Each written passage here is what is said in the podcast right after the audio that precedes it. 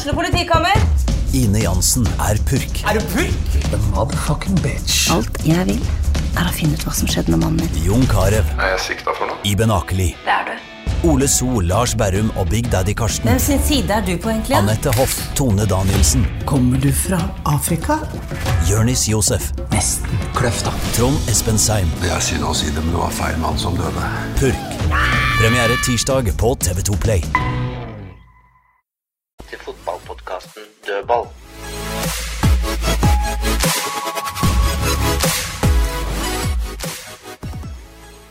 Da har vi nok en gang tatt plass i dødballstudio.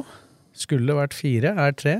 Jeg er her, Morten Svesengen, og skal prøve å lede dette. Og så er Tom Nordli her. Velkommen. Takk. Kristine Tovik, men ikke Fredrik Larsen. Hun har sånn VM-vondt i halsen. Mener du hun har skulka? Ja. Japan, Kroatia nå. Ja, det er mulig, det. Det kommer til å gå utover det vi hadde prat, tenkt å prate mye om. Sist så glemte Blakkaren lappen.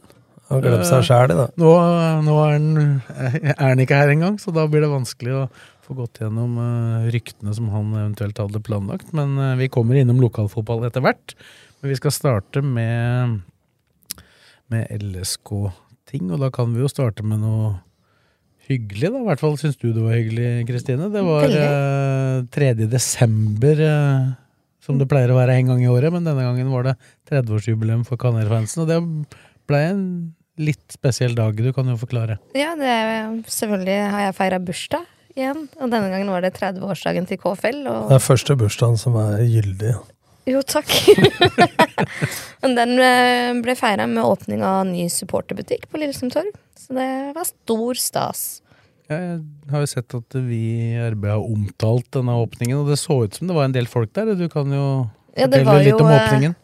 var jo Stakkar Tony. Vi mobba jo han på forkant fordi han Tony eh, Johansen. Ja, han mente jo at vi måtte ha sånne køskiller eh, ved inngangen, og vi bare Tony, dette er ikke Apple Store, liksom. Men da det nærma seg åpning, så fikk vi streng beskjed av vakta om at det måtte vi faktisk ha, så Tony fikk rett i den. Vi sto i veien for de eldre damene som skulle forbi. Jeg har ikke vært i butikken, jeg så bilder av den i RB. Det så jo ganske fancy ut med plakater på veggen og sånn. Det har blitt kjempelekkert. Det er eh, noen av utvalgte bilder, samme som er i den boka, eh, som har blitt trykt opp på veggen. Vi har foliert veggene. Eh, vi har eh, kun, eller 98% av produktene er helt nye av året. Sånn at vi har fokus på å levere kvalitet. Jeg så bilde av Erik Solera. Det var en som kommenterte han, han ligna på en eller annen, men jeg syns han ligna på John Bon Jovi. Ja, jeg så det. det er bilde fra den nye gutten den gangen han blei det. Nei, vi hadde Bortsett fra hårfargen, så Ja, ja. var, var den vel ganske lik han kanskje på den tida. Det var jo mange av oss som hadde hockeysveis den tida, men han var kanskje en av de som tok seg best ut. Ja. Det er ikke for alle hockeysveis, det kan vi vel Nei, Jeg slutta med det. Ja, det er enda godt. Om det var valgfritt eller ikke, det var jeg, forteller du ingenting om. Bytta, bak. Det er fortsatt hatt ganske langt. Bytta ut med hockeyhjelm. Det er sånn det. Neida, det var god trøkk i butikken. Veldig mange som kom innom egentlig bare for å prate litt og, og Folk var kikke. fornøyd med drakta, skjønte jeg. Ja, og årets drakt er jo ikke laga av kreppapir, da, så det hjelper jo mye. Eneste som jeg kan påpeke av feil på den, er jo logoen ikke er brodert. Men er den ikke, ikke sånn kroppsnær, den her heller? Men Den er litt- ikke like slimfit. Den puster fint, og svarte armer er tilbake, og den er dødslekker. En detalj som jeg likte, Mhm. det er de gule som spiller spillet. Som Det står- er en som- som står meget lekker detalj bak i nakken, ja. Kong, Kong Haakon fra 1955, var det ikke det? Ja. Jo. Det var i hvert fall en Det er cupfinale de, jeg syns jeg hører sånn Filmavisen-stemme. Det er de gule som spiller spillet. Det er de gule som spiller Ja, men. Den detaljen syns jeg var litt kul. Ja, den er lekker. Men vi kan ikke levere perfekt på alt. Men, eh, Men skal den være på spillerdrakta? Eller er det bare på supportera? Jeg regner med den skal være med på spillerne. Ja. Ja. Mm. Det håper jeg. Ja, det, Skiller seg litt ut. Men det har blitt gjort, eh, gjort en jobb for å få til det. Det har jo vært etterspurt at uh, drakt skal være klar, uh, i hvert fall i desember. Ja, det har vi jo sagt i, i hvert fall de siste fem åra. Det her er vel første gang vi får det til, tror jeg. Men jeg må le når man endelig har fått det til, istedenfor å være glad. Så Nei, jeg tror ikke det er sant, og dette var på tide, og sånn, det ryktes som at vi får det til. Ja, det var Men, faen meg å få noe negativt ut av det. Nei, nei, men i år så har vi faktisk eh, fått både drakt og sesongkort før jul. Og begge deler kan kjøpes. Og jeg har fått med meg en ting. Fra størrelse 116 til 4 XL. Mm. Patrick Ven, du kan kjøpe deg drakt. Yes. Og alle var der, og det var, eh, gikk ikke tom for noe heller? Nei, øh, jo. Eh, akkurat i butikken tror jeg det eneste som ikke var igjen da jeg eh, sjekka etter stenging, var eh, tror jeg tomme for medium. Men det har vi sikkert fått fylt på igjen nå. Eh, Ja, hvor- hvordan fungerer dette her nå? For dette er en sånn prøvebutikk nå i desember i ja, utgangspunktet. kontrakta vår eh, er vel i utgangspunktet Vi er i hvert fall her ut i januar. Eh, går dette bra, så håper vi på å fortsette framover. På sikt så er vi jo nødt til å ansette noen, for nå drives det av rein frivillighet. Så det er jo en kjempedugnadsjobb som legges ned for at vi skal kunne holde den butikken åpen. Har det vært greie her, eller må du betale markedspris i leie her? Nei, vi har en uh, veldig god avtale med Lillestrøm Torv. Uten at jeg skal bra. si noe detalj. Nei, men det er bra det, da, istedenfor at det står tomt. Ja, det er jo bedre for de også at det er et uh, lokale Ja, for nå har jeg lest siste år om alle tomme lokaler og alle som flytter ut. Og så må vi kunne si har ikke jeg vært der, men hvis jeg forsto beliggenheten riktig, så er- var det i nærheten av den Coop Rix-butikken. Stemmer. Det Og er eh, er litt bedre beliggenhet enn sist det var butikk eh, på Torvet, for da var det i kjelleren. Da var det bare de som parkerte nede og skulle opp i mm, Det er greit å ha det i blikkfanget. Jeg føler jo jeg bør ta dere med bortom en tur etter uh, innspillinga. Jeg skal bort dit jeg avlaster Håkon litt, så Dere får være med og ta en kikk. Det har blitt veldig lekkert. Det er to lekre gule hvilestoler her. Det er eh, egen bokhylle som man kan sitte og bla litt på. jeg syns gult er greit eh, som farge på, på drakta. Mm. Men når du greier å si lekre gule hvilestoler, da er du ute og padler, altså. Nei, nei, nei, du har ikke sett dem. Det er bare derfor du sier det. Jo, jeg så det. det i avisa, nemlig. For jeg veit ikke mange som har en lekker gul hvilestol i stua. For si Jeg sånn. kunne hatt den i stua mi, Ja, det faktisk. hadde tviler jeg ikke på et sekund. Du greide å gjøre den knappen på innspillingsbordet her Anna. Den mest oransje knappen vi har sett, greide du å gjøre om til kanarigul i, i huet ditt. Jeg føler fortsatt at jeg kan er bra. Det er selvfølgelig min farge. Ja, men det er stas, da.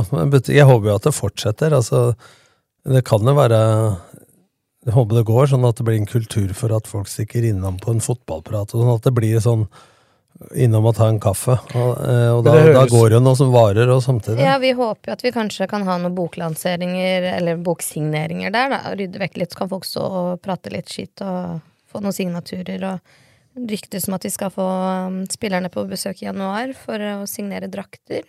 Så det Spillesigneringer, skal du ha det der òg, eller? Det hadde vært enda bedre. Litt av spillesignering. eh, Du hørte det på Fugla Forsa-shoppen først. Det hadde vært fint. Men det er jo i hvert fall det å å selge sesongkort, det er jo viktig også, da. Før, eh, og det å kunne ha et salg av drakter før, det er jo den beste tida hvor folk Ja, går og lurer- Lillestrøm heter det sesongkort. Ja. Ikke sesongkort, men sesongkort. Ja. Uh, men I Bergen så heter det partorkort. Hva kalte du dyret? Det står det. Ja, det er- Partor. Det jeg- partur. det lurte Åssen det? Part og Nei, du, du må være Er bergens, du må være bergens, Partorkort. du må være bergenser for å skjønne det. Første gang jeg hørte det, så lurte jeg på hva i all verden er det for noe. Jeg trodde det var noe sånn der, um, markeds... Altså en eller annen form for sponsorgreie. Men nei, det er, det er sesongkort. De har Ja. bare begynt å kalle det det. Jaggu. Eneste sted i verden. Ja, det, Men altså, det, er jo, det vil jo være fryktelig dumt å ikke utnytte desember når folk går rundt og lurer på hva de skal kjøpe i Altså, julegaver folk. årets julegaver får du kjøpt i shoppen. Det gikk over 70 drakter. Eh, ganske mange andre tekstiler også. Vi har jo noen lekre ullgensere som er eh, Er det samme pris før etter jul på draktene? Jeg regner med det. Det skal Jobber du ikke der? da? Jo, men jeg tror ikke vi skrur prisen opp, men vi kjører vel ikke noe lavere pris heller. Det ser jeg ikke for meg. Det er jo, skal jo sies at drakta er billigere i år enn den har vært på lenge. Og den koster Den koster 7, fra 699 for barn, 799 for voksen. 100 kroner for eh, trykk med nummer og navn. Men hvordan er klubben involvert her, da? Der har vi hatt et kjempesamarbeid eh, med klubben. Både mediemessig, altså i form av teasers og sånn i forkant. Der har vi samarbeida tett med LSK. Eh, spillerne, altså bare at jeg dukka opp og valgte å hjelpe oss med promotering, er jo kjempe, kjempegull for oss, da. Men sånn økonomiske, er de, har de, de har vel kanskje noen rettigheter her? Vi har den samme avtalen som vi hadde før vi åpna butikken her. Den som vi har på nettbutikken, da. Men det er jo fortsatt Fugla som drifter butikken. Men vi deler eh, overskuddet sammen med LSK, da. Det er et eh, ledd i å synes mer i bybildet, da. Ett ledd. Mhm. Ja, det er til flagg på kampdagen, så får jo næringslivet i Lillesøm ta og våkne fra januar utover mot seriestart, og så få noen gule lenestoler i, Litt gule vinduene. kaffekopper. Ja. Vi gikk faktisk tom for kaffekopper i Du butikken. Du Men det kommer er til å ende opp med en sånn gul lenestol. Jeg må finne ut hvem kona di er og sende henne et bilde. Denne Hun må er du da, ha. hun er da interiørarkitekt. Ja, enda bedre. Men du nevnte jo signeringer, da. Skal vi gå videre med, med, med signering? Det har jo vært noen signeringer eh, siden sist vi satt i dette studio. Blant annet har jo da begge trenere, de to trener, trener 1 og 2, har uh, forlenga sine avtaler. Ja. Hvordan ble det mottatt i supportermiljøet? Jeg har ikke hørt eh, noen negative miner om det. Jeg kjente at jeg personlig ble veldig glad for det. Det var jo det jeg sa jeg håpa på. Så mm, det er stas. Det viser at de ønsker å oppnå noe mer. Og at Ja, de vil fullføre det lang- det de har begynt. Det er jo langsiktig perspektiv, da. 2027. Og Mm. for, uh, Geir eh, forlenga, og ettersom jeg skjønte, så var det et krav fra Petter Myhre også at uh, Geir Geir skulle forlenge, men det lå vel i kortet. Jeg tror det hadde skjedd uavhengig av det kravet. Jeg tror ikke det var så vanskelig å innfri det kravet. For å si det sånn. Nei. Jeg regner er med at de to una- pratet om det. unaturlig å ha en eh, altså Assistent som har lengre Ja. eh, kontrakt enn Nå kalles han jo ikke assistent, da, for han er, nå er han ansatt som trener. Ja, kall det Og så er Geir Kall det nå hva du vil, da. Men det viktigste er arbeidsoppgavene de har. Og det er klart at Petter har et uh, større ansvar enn en sånn vi så på en normal, nå viser jeg anførselstegn, mm -hmm. uh, uh, assistent før i tida.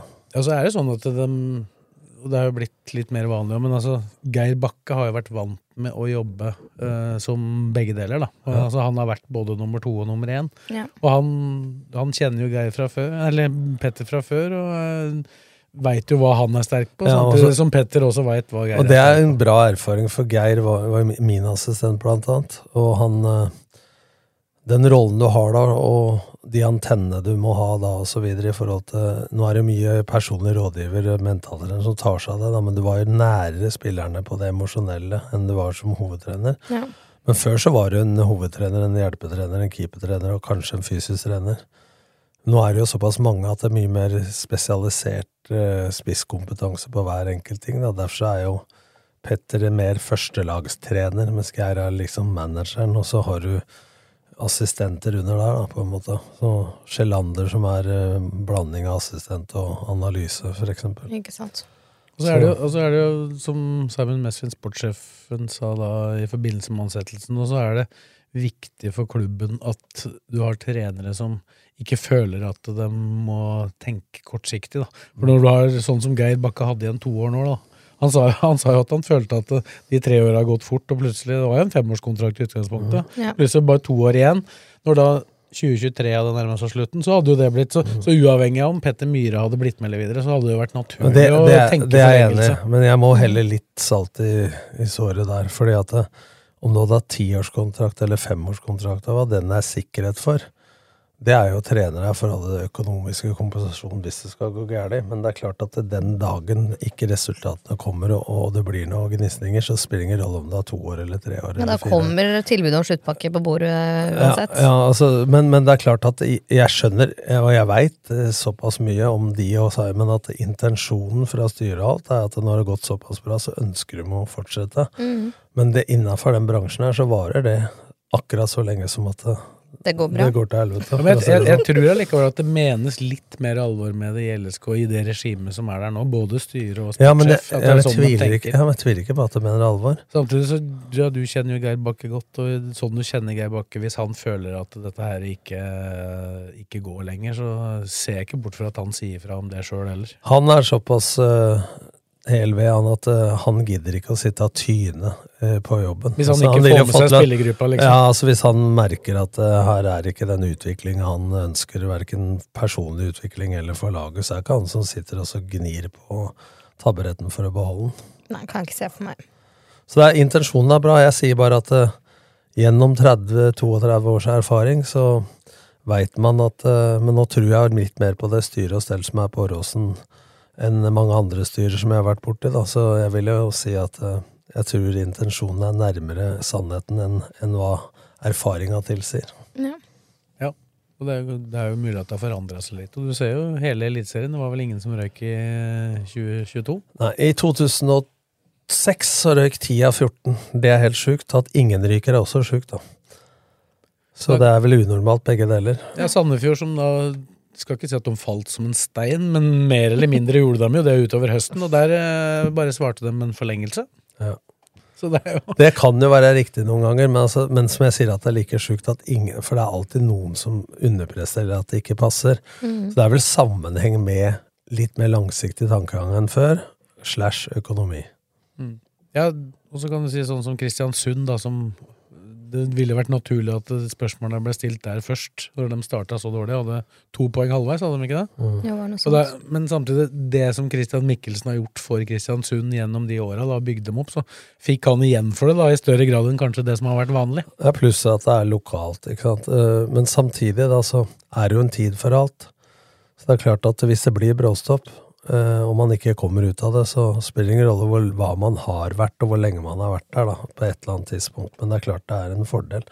Og så må man stikke fingeren litt i jorda, da, så tenke, har Kristiansund overprestert hvert eneste år? Eller er det de har gjort i år, ikke i våres, da, men i høst, vært litt mer normalen, da? Ikke sant? Mm. Så det er jo bra at det styrende, for det å la være å sparke er jo også en avgjørelse som kan være fornuftig. For det er litt, Før så var det liksom sånn masse mas fra supportere, sosiale medier osv. Og, så og da har man jo hatt ledere som ikke har vært sterke nok til å stå i det, som tenker at det å sparke er en, en avgjørelse, men det å la være er også en avgjørelse. Det sies vel at eh, Manchester United var fryktelig nær å sparke Alex Ferguson en gang i tida, før han hadde vunnet noe som helst. Nils Arne Eggen var sparka, han. Ja, han trakk seg vel sågar sjøl, han. Ja, han kom inn i to timer etterpå og sa at uh, fortsett likevel. Nei, men det var jo da hadde jo historien, Hvis det hadde blitt det siste han hadde gjort i Rosenborg, så hadde jo historien vært litt Ja, annerledes. men, altså det men der var spillergruppa, bare for å ta det vanlige, at spillergruppa liksom Man skal høre på spillerne, men det er jo en del spillergrupper også. Enten er treninga for lang, eller for kort, eller for mye taktikk, eller for lite taktikk. Og det er mange som ser ut av vinduet utafor seg sjøl istedenfor i speilet. Ja, Hva de kan gjøre med det. Og da var det jo møte, og ingen aksepterte Eggen osv. Men det som er en fin øvelse å gjøre da, er liksom hva er det, Bare for å bruke Eggen som eksempel, da, hva var han var god på, og hva var han var dårlig på, istedenfor å sparke. Hvis du tenker deg et tre, da, men nå viser jeg ti fingre med ti greiner på, og så har den ene treneren suverene kvaliteter på seks av de, og så er han dårlig på fire av de, så sparker de han som mangler de fire, så ansetter de en ny som har de fire, men så mangler faen meg han de seks. Sånn har det jo vært holdt på i fotballen i alle år, mens nå er det jo mer med større støtteapparat, som som nevnte i stad, mer komplementært og relasjonelle ferdigheter i apparatet utafor banen og det tror jeg noe, for å være seriøs, da, er hovedgrunnen til at ikke trenere mister jobben så tidlig, for det er mye mer spesialisert. Og så en fordel til. Hvis hovedtreneren, da, sånn som i gamle der, at stemmen din må lyde i alle rom, så blir du sliten sjæl, og andre blir slitne. Nå er du liksom sterkere inne på de felta du er ekspert på. Og så er det noen som sitter med overordna ansvaret, og det er jo mye mer fornuftig enn sånn det har vært, da. Absolutt. Ja, det var jo Jeg fikk jo både Petter og Geir Bakke i de intervjuene jeg gjorde med dem. Da nå har jeg selvfølgelig ikke fått skrive alt, alt som ble sagt. Vi holdt vel på med TV 2 og VG, en pressesamleintervju der som varte i over en time, så det er vanskelig å få skrive alt som ble sagt der. Men i tillegg prata jeg med Geir. Og da jeg spurte Petter da, om hva som var liksom Geirs styrker, så sier han jo først og fremst at han er en veldig god leder. da, Som, Mm. som er veldig flink til å å få La folk rundt seg bruke de sine beste egenskaper da, og sy det sammen. Altså mange som delegerer ansvar, vet du. Og så lar de ikke ansvaret ligge der til man ser konsekvensene. Men man, hvis man er litt ute og vakler til høyre eller venstre, så tar man over sjøl og styrer. ikke sant? Og det blir autoritær ledelse. Og det er sånn vet du, at hvis du får ansvaret for noe, så det fins bare ett ansvar, og det er 100% ansvar. I det øyeblikket du skal ha 50% ansvar for noe, så har du alltid mest å gjøre på den andre delen du har ansvaret for. Altså, så det å plassere, og det tror jeg å kjenne Geir såpass godt at eh, han er såpass trygg og såpass faglig dyktig at han har ikke noe behov for å skinne sånn ekstra eller markere seg. og det er jo mer et eh, Man snakker om samhandling på banen osv. Det skal bygges så fint der, og så har det vært slurva utafor banen. Så her mener jeg jo at Lillestrøm både på styrenivå og etter hvert marked også, men også på, på støtteapparat og spillerstall, da, eh, har gjort vesentlig framskritt de siste åra enn tidligere. Det er jo det som er forskjell på en leder og en sjef, da. Da jeg var på et seminar en gang, det var sånn leder, le, del og se. Altså se hvem som er gode, gjør de bedre, le sammen og del erfaringene. Jeg tror også Men- Geir er en god leder og ikke en sjef som En bare leder peker skal jo tørre å være blant sine ansatte Mm. og inspirere. Absolutt. Og ikke bli en Jesus-leder som alle har sett. Og Alle har hørt om, men ingen, har hørt sett. om, og ingen har sett. Samtidig som jeg har inntrykk av at hvis Det også påstår de har sett den. men- Hvis det, først, hvis, det, ja, hvis, hvis, det først, hvis det først er noe, så er det ikke noe tvil om hvem som er sjefen men, på Åråsen heller. Men jeg tror det også, da, at hvis du slipper sånn som før, da, at du måtte ta ord i alle sammenheng eh, Når Geir lusker rundt der og observerer osv. Når han først kliner til, så står de med rett, altså da hører de etter. Men at det, hvis stemmen din, eh, som jeg har opplevd sjøl også, lyder i alle rom, da, fra å bestille flybilletter til å slå det banen, så, så lokker folk øret etter hvert. Ja, Ja, Hvis du tar på en måte formasjonstreninga, da, som er viktig for en uke før en kamp, så er det veldig ofte at det er jo som regel Petter Myhre som leder den, eh, hvis begge er der.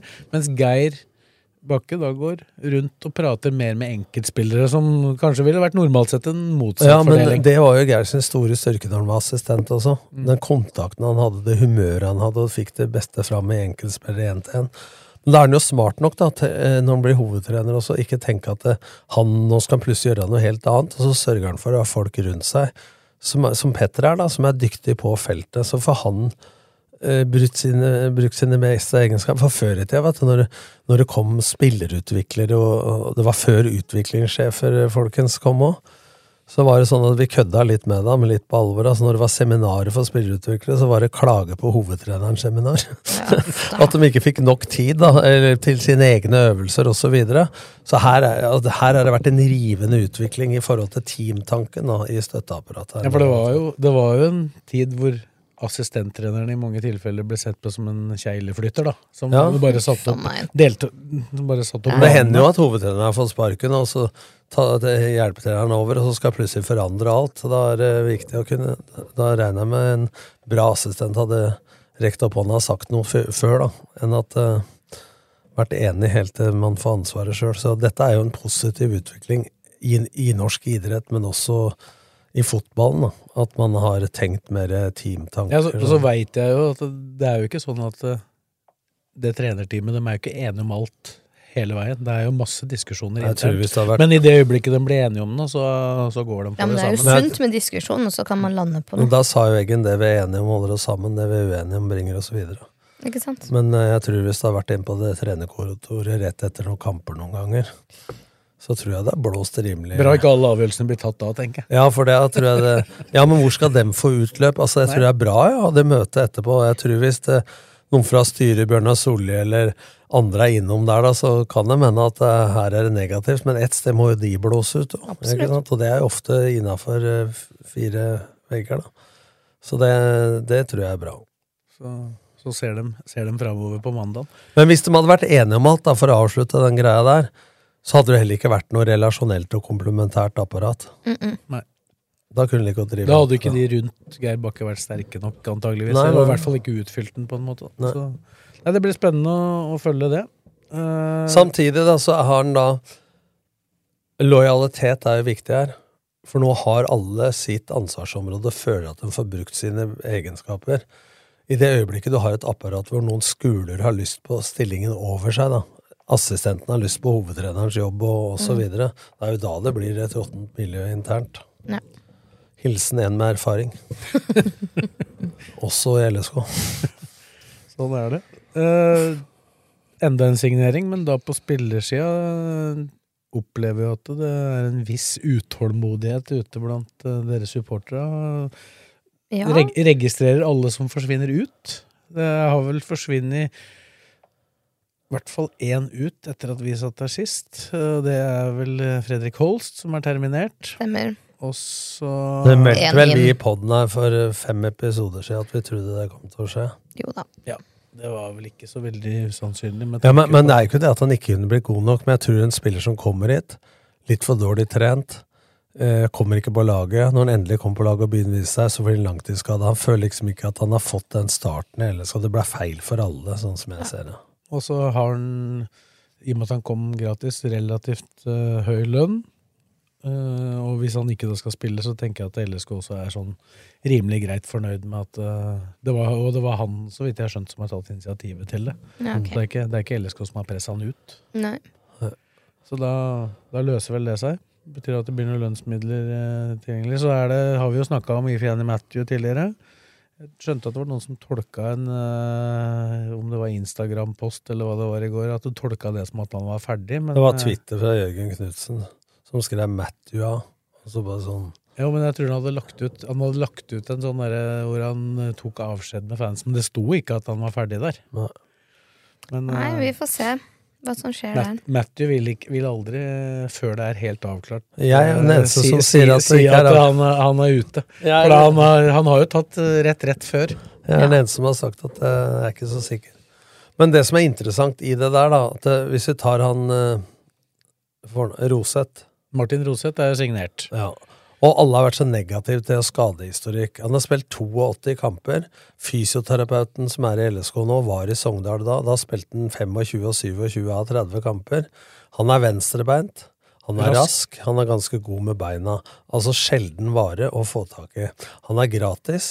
Han er ikke lønnsledende, uten at jeg nå gjetter jeg litt, men det er jeg 99,9 sikker på. Null risiko! Ingenting å tape. Og det folk tenker, at ja, hva skal med det? De Så lenge han holder seg skadefri, så ja, men de jeg skal jo ha inn en stopper eller to til. Ja, men jeg tror det kanskje er litt frykten for at det er han som er den eneste som blir henta. Ja, men- det er- litt sånn, men, Ja, men det, det jeg kan det- forsikre om at det er det ikke. Ja, men det må jo ikke undervurdere Simon, da. Ikke sant? Altså, skjønn at eh, gutten og laget og støtteapparatet tenker. Og så en ting, da. Hva skjer med det, Grunnen til at de skal ha to, hva skjer? ikke sant? Jeg tror ikke Ogbu blir solgt nå. Men så har du da Slørdal, som sikkert eh, blir eh, lånt ut, eller eh, Og så har du da Røsler, som ikke er hvor fornøyd er han? ikke sant? Altså, du skal ha inn én eller to stoppere til, og jeg veit at de skal ha inn en leder bak og en leder sentralt på midten. Og så tenker man at man har få midtbanespillere, og du skrev jo det, Morten, at de har en hel her, for når du nå gjør om grunnformasjon til 3-5-2 Er det avgjort nå? Ja, så Ja, det, blir grunnformasjon. Det er mer eller mindre avgjort. Men du, du, du kan ikke spille 3-4-3 hvis du skal ha Akor Adams og Thomas Lene og sette en av dem på benken. Da må du spille med Og, så to. blir det, og da er det jo to spillere som på en måte i 3-5-2 er indreløpere. Det er Gjermund Aasen og Yldren Ibrahim Ay. Det er jo det som Plus egentlig Ibrahim- kanskje er Ja. favorittposisjonen Ja, deres. fra nettopp, og dette har vi snakka om før òg, for at uh, hvis de skulle fortsatt til 3-4-3, så hadde det, etter at Helland var ute og usikkerhet med Tobias Svendsen, så trenger de gjennombruddshissige folk, Stemmer, raske, som skal eh, gå av én mot én. Nå når det blir 3-5-2, så har du jo da sekserrollen som du skal ha inn i, den kan Lundemo spille. Knutsen kan spille. Kairin kan spille. Eh, Indreløpere kan Kairin spille, Knutsen spille, Ibrahim Mai spille, Aasen spille. Mm. De har kjempedekning der.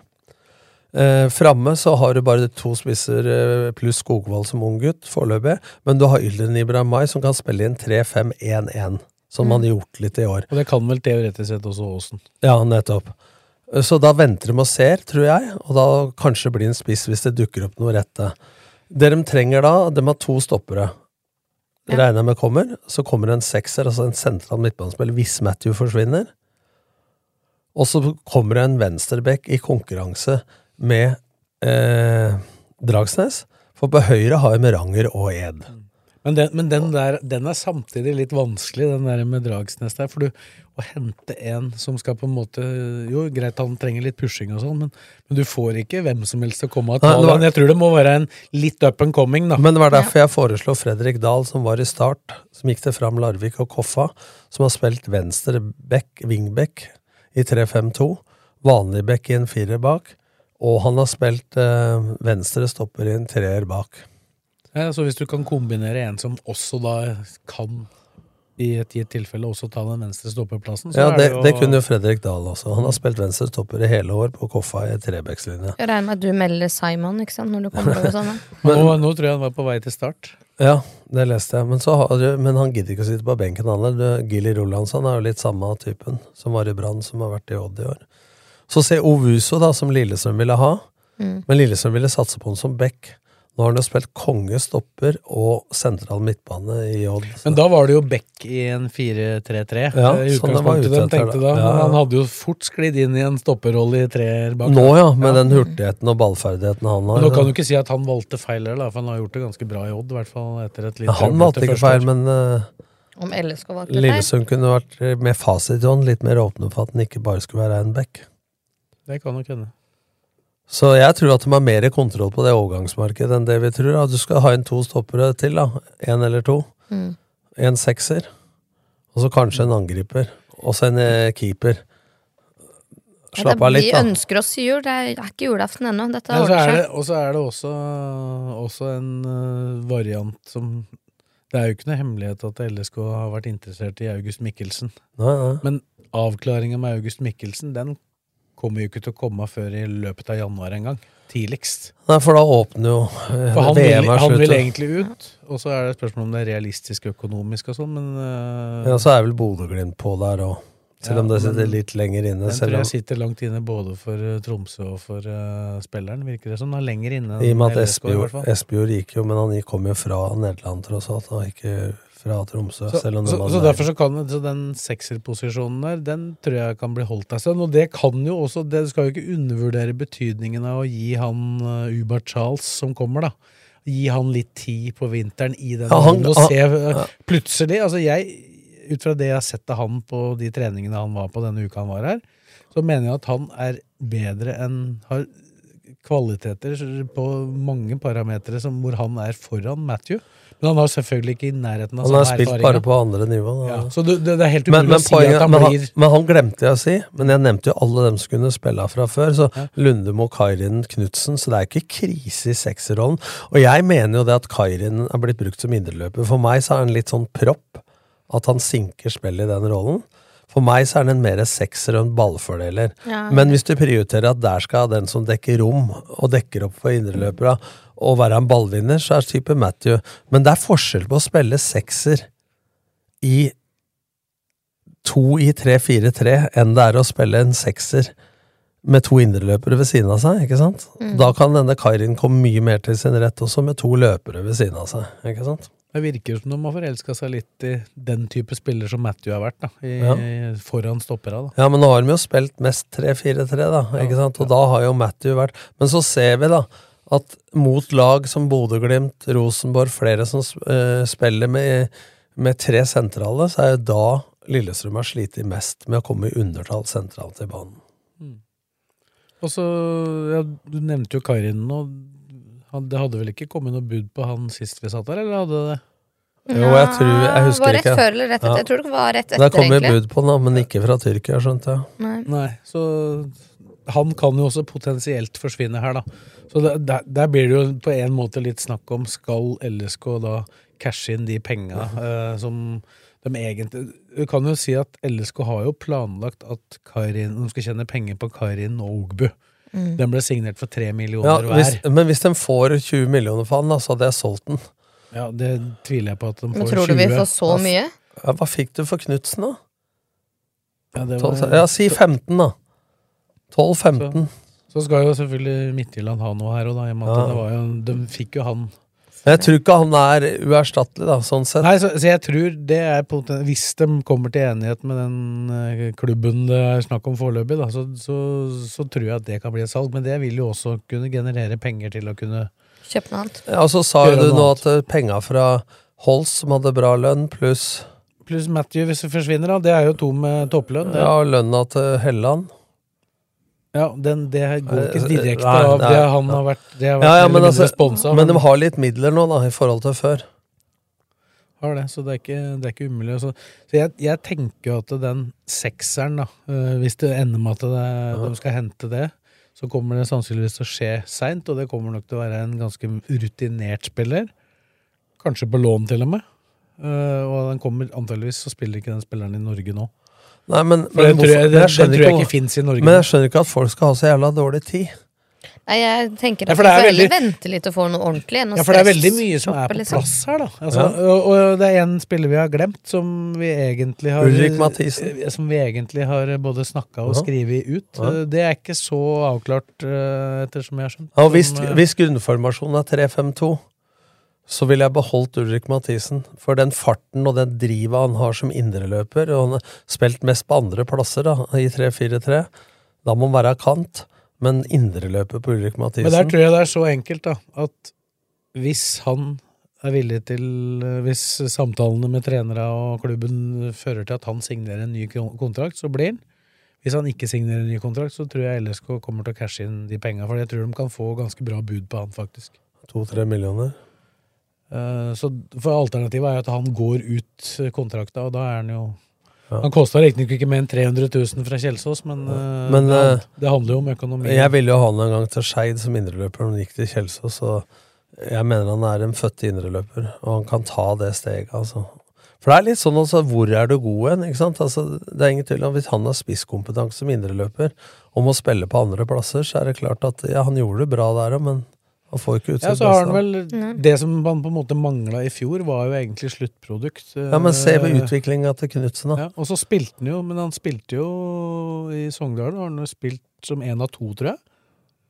Det er ikke sikkert. Jeg har forstått det sånn. Og, Ja. da, og han har hatt mer sluttprodukt. Ja, og det, han spilte jo sentralt i en eh, toer på Kjelsås òg. Ja. Men, men poenget mitt er at han kan jo også ta de stega som Knutsen tok. Det var ingen som prata om Knutsen før han slo gjennom at det skulle være noe hype. Nei. Nei, og han har jo vært vesentlig bedre eh, i år enn han var i fjor òg, selv, om han en- solgt, ja. selv om han hadde en god avslutning i fjor. Så Ja. kan du si at eh, de, enten har speidere til eh, den russiske klubben hatt, hatt flyt, eller så har de sett bra.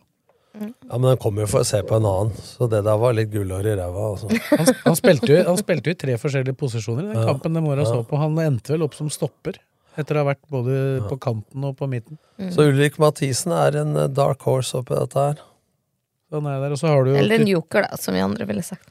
Så har du sånne spillere som eh, Martin Bergum, Slørdal, som du nevnte, og Sveinhaug går jo kontrakta ut. Men det er ikke, jeg ser ikke bort fra at de signerer ny kontrakt med Sveinhaug, faktisk. Eh, Ja, men, det er ikke, men, men, ikke, men ikke for å han som annenkeeper hvis Skjærstein skulle forsvinne, som er ganske sannsynlig. Men for å låne den ut, da. ja. sånn at han får spilt på et høyere nivå.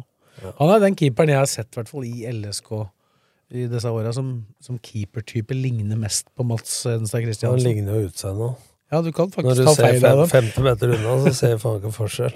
Har vi tvillinger utover? Så, men på, på keeperplass der er jo alt avhengig av hva Skjærstein bestemmer seg for, og hva slags alternativer han får. Men at han har lyst til å stå flere fotballkamper enn han har gjort, det er jo naturlig. Ja, men det er klart. Hvis ikke så er det jo gærent med innstillinga. Så han er jo en alder hvor det Men hvis ikke så blir det jo en ny Per Magne Misund. Ja. Som Jo, satt det er- der er- lojalt i alle år. Men, men etter, etter hvert, da, når folk kommer litt opp i, opp i alder, så er det jo noen som er fornøyd med å ha den rollen. Da. Ja, Noen må være med benken da. Det, er det, det er jo det som er så vanskelig. Med- på all moro. slipp å ta en dritt ansvar. Nei, men det er det som er så vanskelig med at du har en såpass ung førstekeeper som LSK har. da. Ja. Så er det øh, Du bør kanskje ikke ha en ung til, da.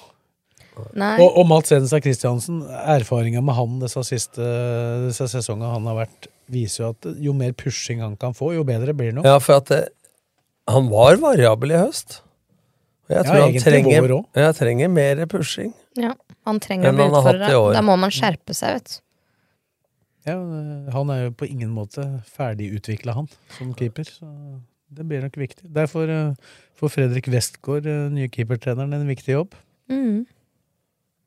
Det viktigste blir jo for resten av støtteapparatet å holde Westgård i søylene på benken. Nei, men Tror du? Det er litt morsomt med Fredrik. Han er herlig, han er herlig engasjert. Altså, Jeg har kjefta på, do- på dommere i alle år, altså, men Fredrik han tar kaka. Ja, ja, nei, han har, eh, men, det, men det var jo Blei litt varm i trøya Jon Knutsen, så var det jo han som tok kjeftinga på dommeren vi eh, fra benken. når vi kommenterte HamKam Lillestrøm i en av de åtte treningskampene i sommer på RBTV, hvor eh, det ikke var noe publikum. Og herregud, han tok han der Jakob Mikkelsen. Det var helt ja. Så Knutsen, da. Trykk i pedalen, han òg.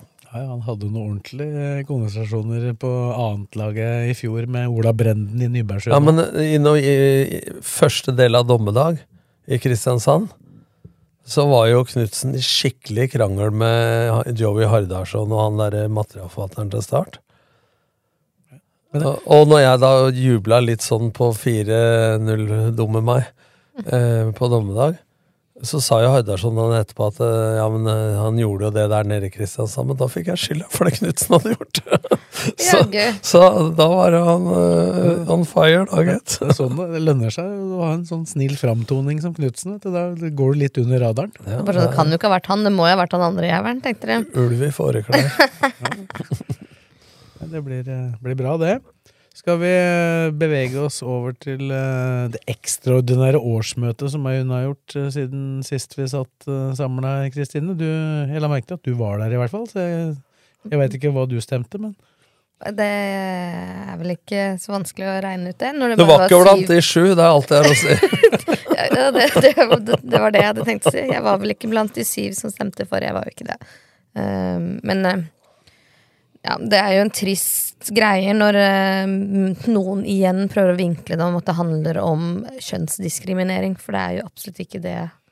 Ja, det, blir, det blir gitt inntrykk av at det var liksom Og det er klart, ser du på det bildet som jeg tok der, så sitter det jo noen godt voksne karer fremst der, men det var da faktisk ganske mange jenter og kvinner i Hadde du tatt salen der. bilde bort ved meg, så var jeg hadde fire andre yngre enn meg rett bak meg.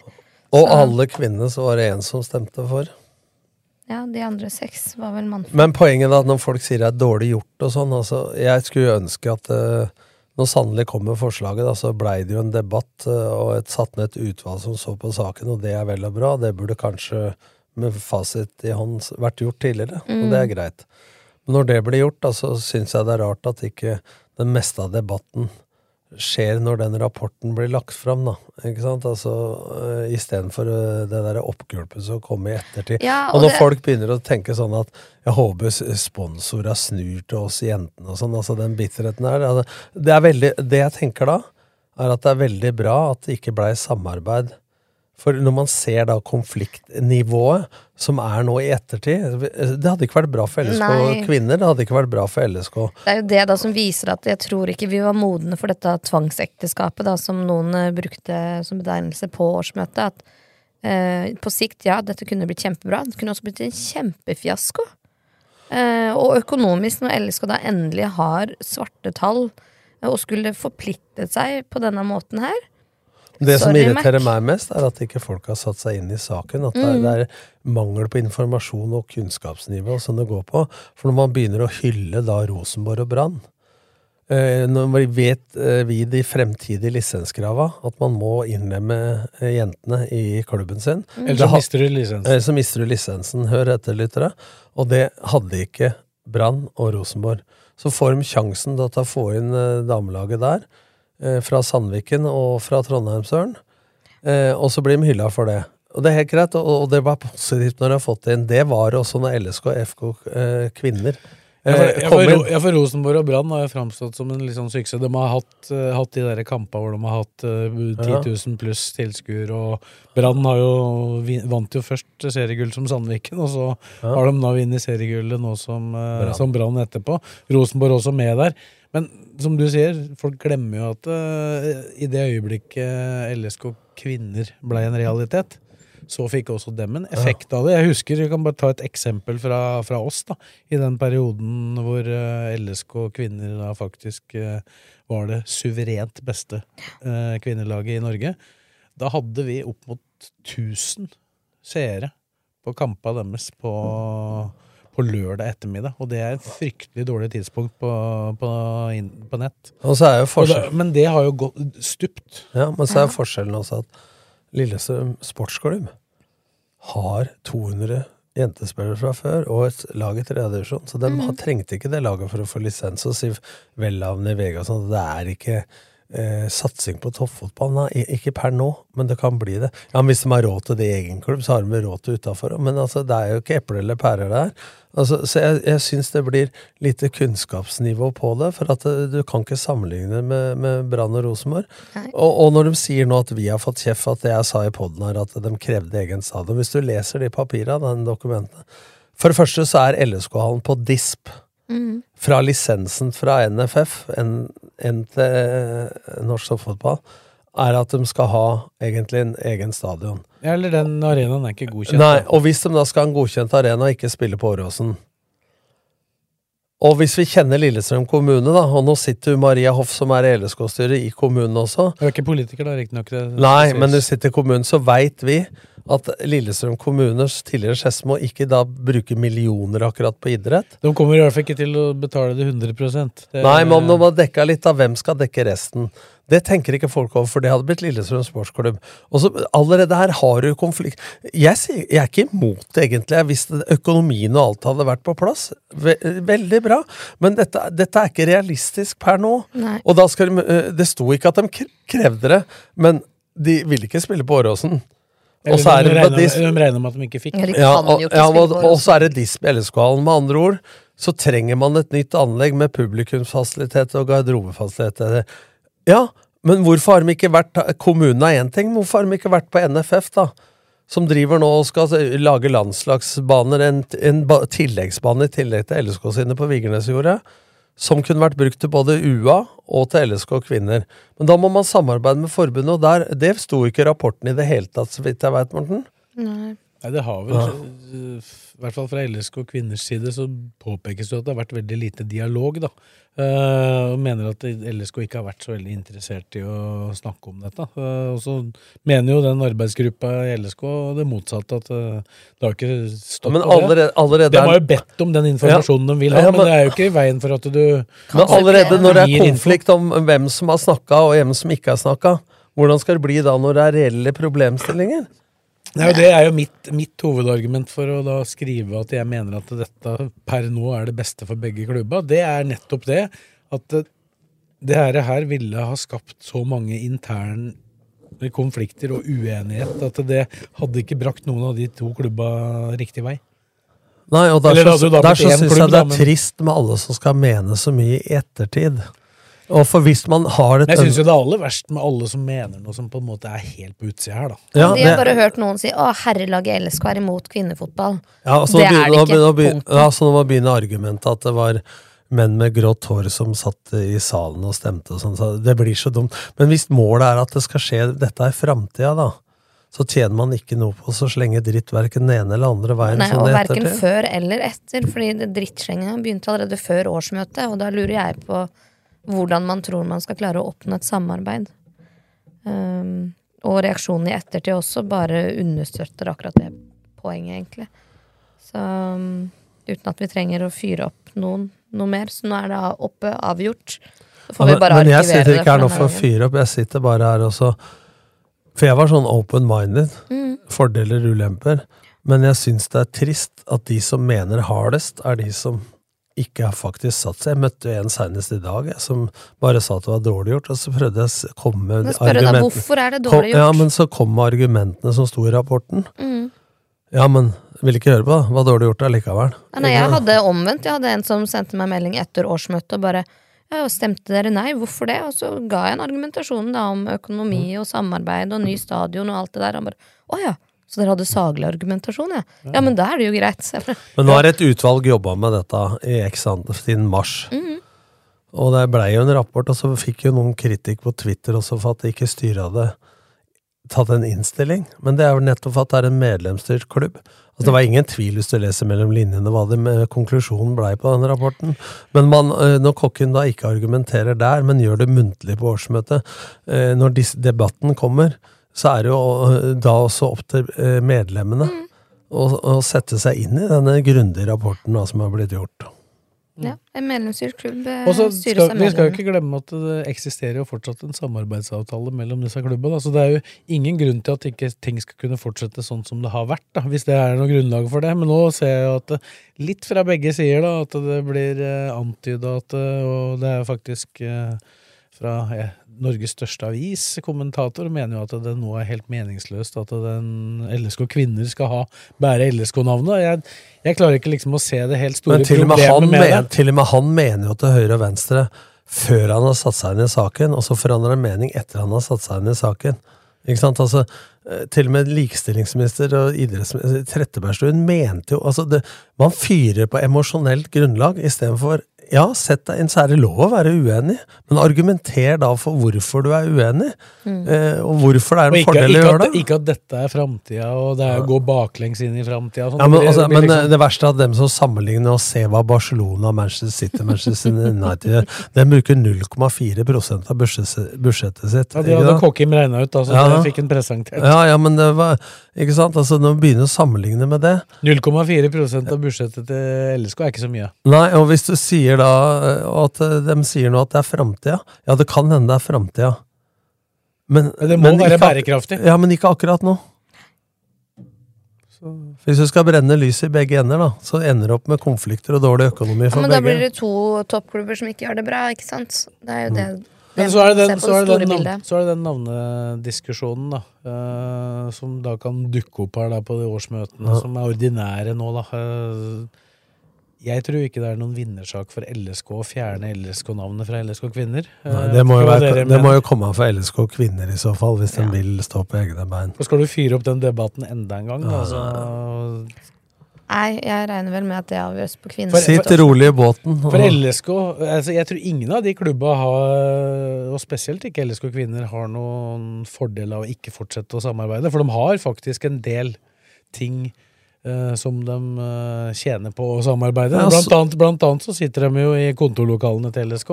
Ja, sponsorer. Ja, Sponsorer har de i felles. Det er ikke Overgang- noe i veien for å fortsatt kunne jobbe med det. Overganger fra LSK uh, sportsklubben til eh, LSK kvinner uh, vederlagsfritt uh, Og så er det, er det faktisk sånn nå da, at det kommer litt mer penger inn i kvinnefotballen. Og mange mener jo at det da burde vært et argument for at LSK skulle tatt dem inn. Men samtidig så er jo det også et argument for at LSK kvinner har bedre grunnlag for å kunne stå på egne bein, da, hvis de bruker Ja. de penga fornuftig og bygger dette fra Men, men det var jo snakk om her å ta over alle kontraktene altså PT, per dags dato. Ja, Jeg tror fort at LSK kvinner kunne blitt en salderingspost i, eh, i LSK. da. Ja. Ved Ja, men folk som har masa mest om den sammenslåinga, har ikke sett ulempene for LSK kvinner med å gå inn. For at det, Da hadde det vært årsmøtet da, som hadde bestemt der også, så kan det bli en Ja, og da, og da du kunne du jo fått virkelig de der gnisningene Ja. fram, hvis, hvis det da hadde Og gått da ut hadde, likestil, kvinnesatsing. da hadde likestillingsdebatten fyra. Ja, og jeg tror at vi kommer i løpet av de Men når liksom de store glansdagene er Eller hverdagen kommer til Lerkendal og Brann stadion, så tror jeg at vi fort kan få se noen eh, noen saker som dukker opp hvor nettopp likestillingsdebatten blir sentral. Så Stabæk er jo den eneste klubben det er reelt å sammenligne med. og det, Jeg er ikke sikker på at alle på Nadderud ville gjort det samme hvis de hadde fått velge en gang til. Nei. Ut fra det jeg har skjønt, men det er vel ingen som tør å si det. Antagelig. Nå får vi legge det her Nå får vi legge her dødt fram til det Ja. er eh, Men grunnlag for å ta det opp det, igjen. det kommer nyheter eh, om LSK kvinner allerede på tirsdag. Det er noen som kanskje allerede har fått det med seg i dag. Ny eh, trener. Og at TV 2 erfarer at mm. det er signering av André Bergdølmo. Det kan bekrefte at det er opplysninger som også RB sitter med. Vi var da, i motsetning til TV 2, invitert til å lage noe på dette her i morgen, og det kommer vi sikkert til å gjøre. Det er André Bergdølmo som uh, kommer tilbake til Romerike, eh, i hvert fall som trener. Uh, Nå har han dratt på seg litt erfaring da i Kongsvinger og Ja, det var jo LSK ja, først. Ja, men etter det, da, og Sarpsborg på junioravdelingen, så er det selvsagt noen bitre supportere som tenker på hans avskjed i gamle, gamle, gamle dager. Som han skulle bli selger i Trondheim. Jeg Der hørte så skulle han spille for Rosenborg. Jeg, jeg hørte når TV 2 da skulle presentere hans fortid, så sa de den tidligere Ajax-spilleren og Kongsvinger-treneren. Ja. Ja. Det syns jeg var eh, Det er det, er, det er kanskje ikke de to tinga jeg ville først tenkt på når det gjelder André Bergdølmo i Norge, men eh, Tenker det er fint at han har spilt for LSK og Rosenborg, er kanskje mer eh, Ja. sentralt. Men det er noen journalister som vokser opp nå, vet du, Sves, som ikke var født når du begynte, og han spilte. ja. Jeg er fra Skjetten, da. Jeg vet. Ja. Jeg er ganske god venn med nevøen hans. Er det bursdagen hans tenker jeg. Det var jeg faktisk i forrige uke! Jeg treffer godt på Det er ikke kødd engang, vet du. Du, prøver liksom å fleipe om dette, og så viser det seg at det stemmer. Ramme alvor hver jævla gang. Du har ikke bomma én gang. Trippelbursdag? Ja, ja, riktig det. Uff a meg. Ja.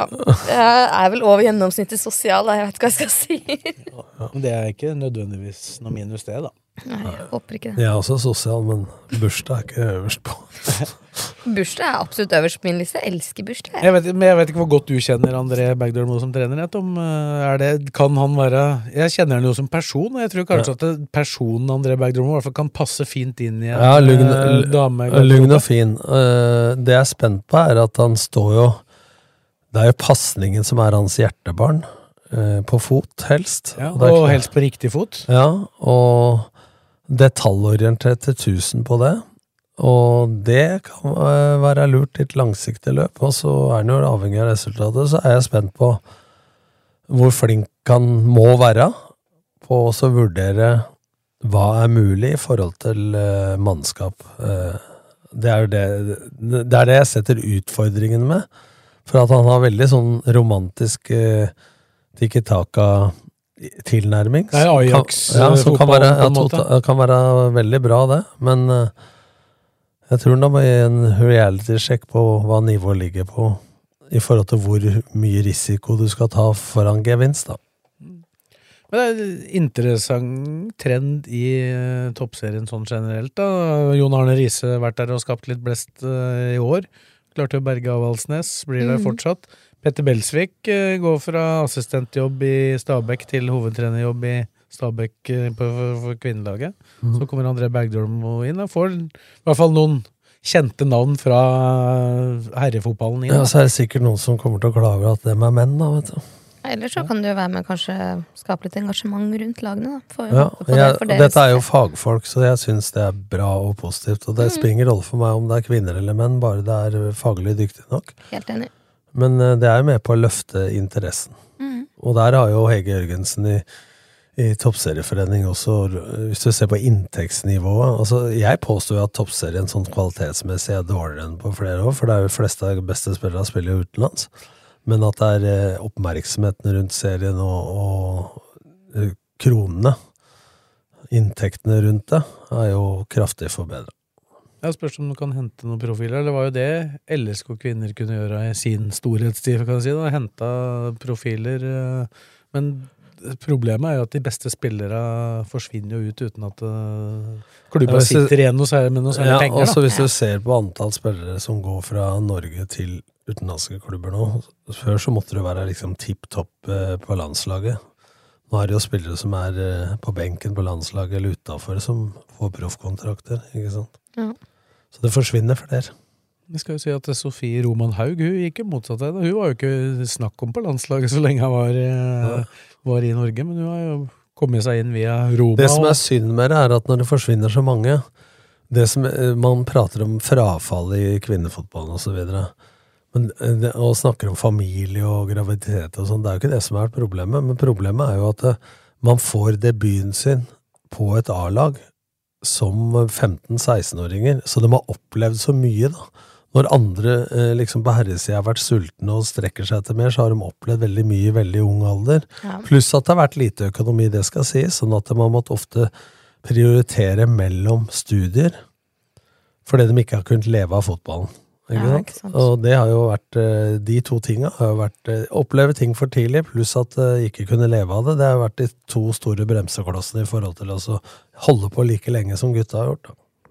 Ja, og så gjør jo det at det fristelsen å reise ut og i hvert, fall, kunne leve av Ja. Det er jo ikke noe, vi- snakker vel sannsynligvis ikke om så veldig mye mer for de aller fleste enn at de kan leve av å spille. Nei, det er jo ikke lønningen, det er jo ikke i snitt det som Hegerberg og Graham Hansen har, liksom. Og Mm. Reiten og sånn. Det ligger jo langt over. Men de som klorer seg fast i en middels engelsk klubb eller nedover eller i Italia og sånne ting, tjener jo ikke Men det kan kanskje akkurat leve av det. Og så er det opplevelsen, da. Ja, ja. Det å kunne være proff i utlandet. Ja. En annen liga. Nei, men det blir spennende å se, da. i hvert fall hva Bergdølmo, når han da blir signert, hva han eh, kommer til bordet med. Mm.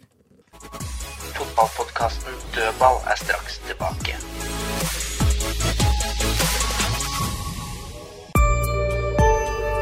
Sendingen er sponset av O. Johansen og Sønner AS.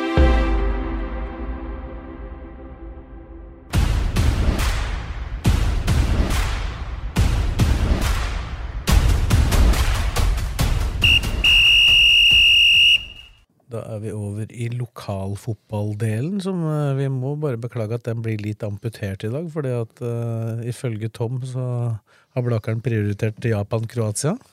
Ja, det er vel en del lokale spillere der, da. Han, han, han, han, han, sa han, han sa han var sjuk. Ja, ja. Så vi får, Vi får stole på det, da. At han er litt rusk i halsen. Egenmelding, vet du. Det går fint. Litt rusk. Ja da. Nei, han eh, det får, det får vi tåle. Vi må satse på at det ikke er korona. Eh, Så da tror jeg vi, tror jeg vi Ikke si det, han blir dårlig bare av å høre ordet. Jeg har jo sett, jeg har sett at eksempel Eidsvoll-turen har signert noen uh, av sine spillere som var der i fjor. Herman Henriksen blant annet, og Ja. uh, Stenseth.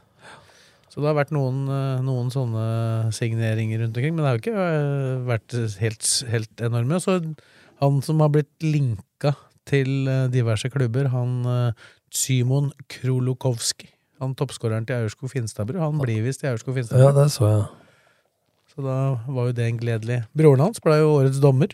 Ja. Så det er jo bra for Aurskog Finstadbru. Det er jo en gammel, tradisjonsrik eh, klubb. Det er ikke sikkert det er så bra for hans utvikling, da. Skjetten har signert noen eh, Skjetten har også signert mange av de de har hatt. Det har vært mye av det. Mm. Men det er viktig, det, da. Det er kjempeviktig. Må jo ha, må jo ha de som har vært der òg.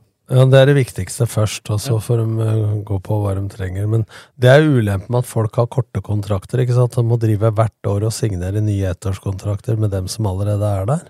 For de er usikre på om de holder plassen osv. Da blir det jævlig mye jobbing før jul med dem allerede eksisterende. De som har greid å ha litt lengre kontrakter på de eksisterende, er jo i forkant i forhold til det som er utenifra.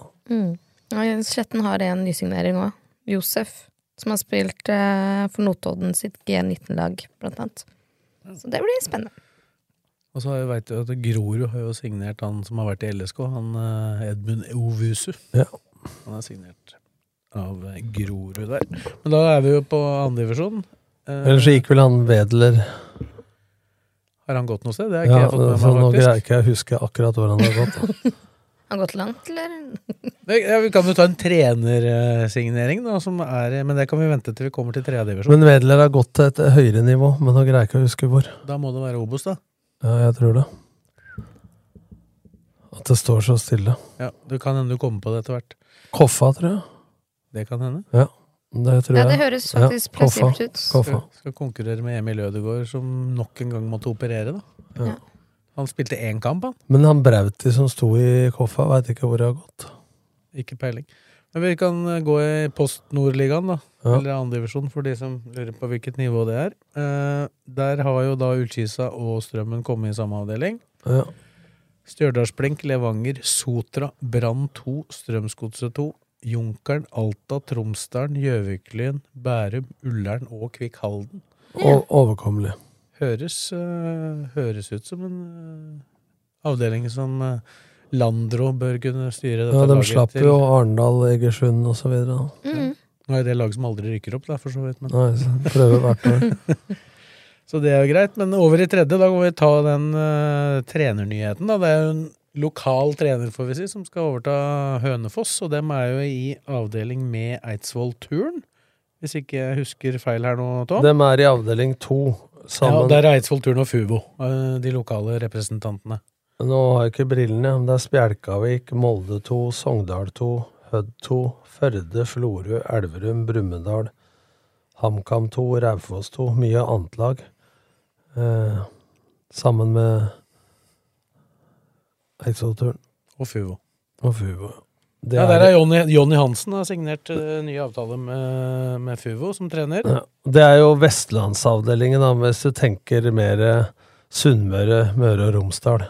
Eh, Den første avdelingen som eh, LSK2, Skjetten, Gjelleråsen og Skedsmo kom i, det er jo Vestlandet, Rogaland, Hordaland, gamle Hordaland. da. Ja. Bergen, Stavanger-området. Ja, det ble, ble liksom en litt annen fordeling på avdelingen i år. Det ble sånn eh, at alle må ut og reise på et vis. Ja, men du ser da, du, du har altså fire lag da, i Vestland, eh, hvis du tenker Stavanger-Bergen-området. Skedsmo, Gjelleråsen, Skjetten, LSK2, sammen med Frigg, da, Oslo-lag, Fana. Så ser jeg ikke hva jeg skriver. Lokomotiv Oslo, Os, Ullern 2, Sandviken, Stabekk 2, Lysekloster, Grorud 2. Blanding av Oslo og Vestlandet. Ja.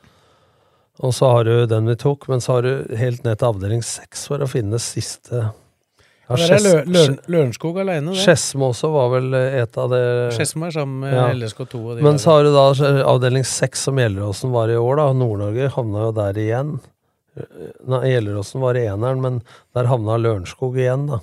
Ja, og der er Lørenskog aleine fra Romerike. Ja, der har du TIL 2, Skeid 2, Koffa 2, Sarpsborg 08 2, Asker, Oppsal, Skånland, har jeg ikke hørt om. Nordstrand, Follo, Hammerfest, Skjervøy, Mjøller, Fløya. Kanskje den letteste. Ja, Fløya, As- ja. avdelingen. Tapte Ja, jo i Fløya. Asker og Nordstrand, da. Som, eh, Asker som kommer ned, og Nordstrand som var topplag i år. Bak Lyn, vel. Ja. Ja. De tapte jo klart siste kamp mot Lyn. Så, så det, vi, vi har jo snakka om tre lag som på en måte kan ha ambisjoner om å rykke opp. Det er Lørenskog, det er Eidsvoll-turen selvfølgelig som kommer ned, og så er det Gjelleråsen. Nå er de jo tre forskjellige avdelinger, da, så teoretisk sett er det mulig for alle tre å rykke opp. Ja, da får de opp Det i ringa. blir spennende. Så vi hadde jo kanskje håpa sånn lokalt sett at det hadde blitt flere lokaloppgjør. eh. Og du nevnte jo Hønefoss i samme avdeling som Eidsvollturen. Gunnar Halle. Ja, Gunnar Halle inn som trener der. Han var jo ferdig som landslagstrener. Fikk ikke fornya forbundet og var jo på jakt etter jobb. Ja. Litt overraskende at han blir trener på fjerde nivå, men Det er en fulltidsjobb, da. Sikkert litt bedre betalt eh, jobb i, ja, altså, i enn nivået skulle tilsi, da. ja, veldig mye bedre betalt òg. Bør vel være nok jeg. til salt på maten, om ikke Ja, altså, for det er Aka, selv om han bor i Spania, Thoresen, Mm. uh, eier Aka-kjeden. Og de har jo en stadion som er uh, overlegent alle andre tredjevisjonslag, da. Mm, Ikke sant. Yes, Skal vi si at det er det fra lokalballen Ja, han der, brakeren, da? Ja, Han altså, derre- Tom hadde med seg notatene, ikke briller, men jeg syns det gikk bra. Du leste, du leste bra uten briller. Ja, altså Det er på grunn av hukommelsen. Ok, ikke det ligner på Så- Ja, men jeg fulgte med, for jeg hadde det på her. Ja, Så det hadde du, du fikk med alle laga, tror jeg. Ja, ja, jeg gjorde det. Men uh, han derre formannen for ryktebørsen, han eh, ligger jo i vannrett, da. To meter vannrett. Rødt fyrtårn som ser på. Japan-Kroatia. Han må jobbe nå. Ja, Opp i ringa. altså. Han har vel ikke sånn er Ikke vaskekjelleren i dag òg. Nei, ikke dag. Vi får satse på at han stiller sterk. Det er, ikke- det er jo her hver 14. da. Det er 14 år siden Ja. forrige på. Får ikke håpe han har smitta hun, hu på 25, da. Som bor i 25, som er 65. Ja, ja. Nei, Blakkaren Yes. må tilbake med humøret ditt. Ikke sitte hjemme og røre. Det er så dårlig stemning her Så ute. får vi håpe at folk har uh, hatt en hyggelig drøy time. Vi blei litt kortere uten Blakkaren, da. Det skal sies. Det gjør ikke noe, det. Selv om vi starta 40 minutter for seint, da, på grunn av Det var ikke vår feil. Det var det, ikke skyld på meg i dag, det var ikke meg, ass.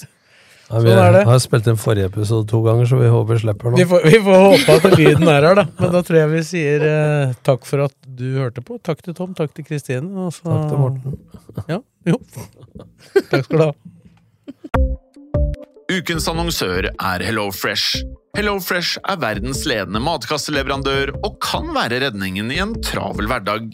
Mange av oss har nok vandret i butikken både sultne og uten en plan for middagen, som ender med at vi går for de samme kjedelige rettene gang på gang.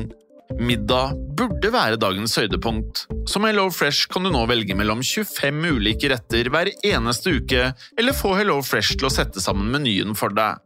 Dette gir deg muligheten til å prøve nye og spennende retter alene eller sammen med familien. Du velger antall porsjoner og får alt levert på døren på et tidspunkt som passer for deg. Oppskriftene er enkle, og maten er lett å lage både for store og for små.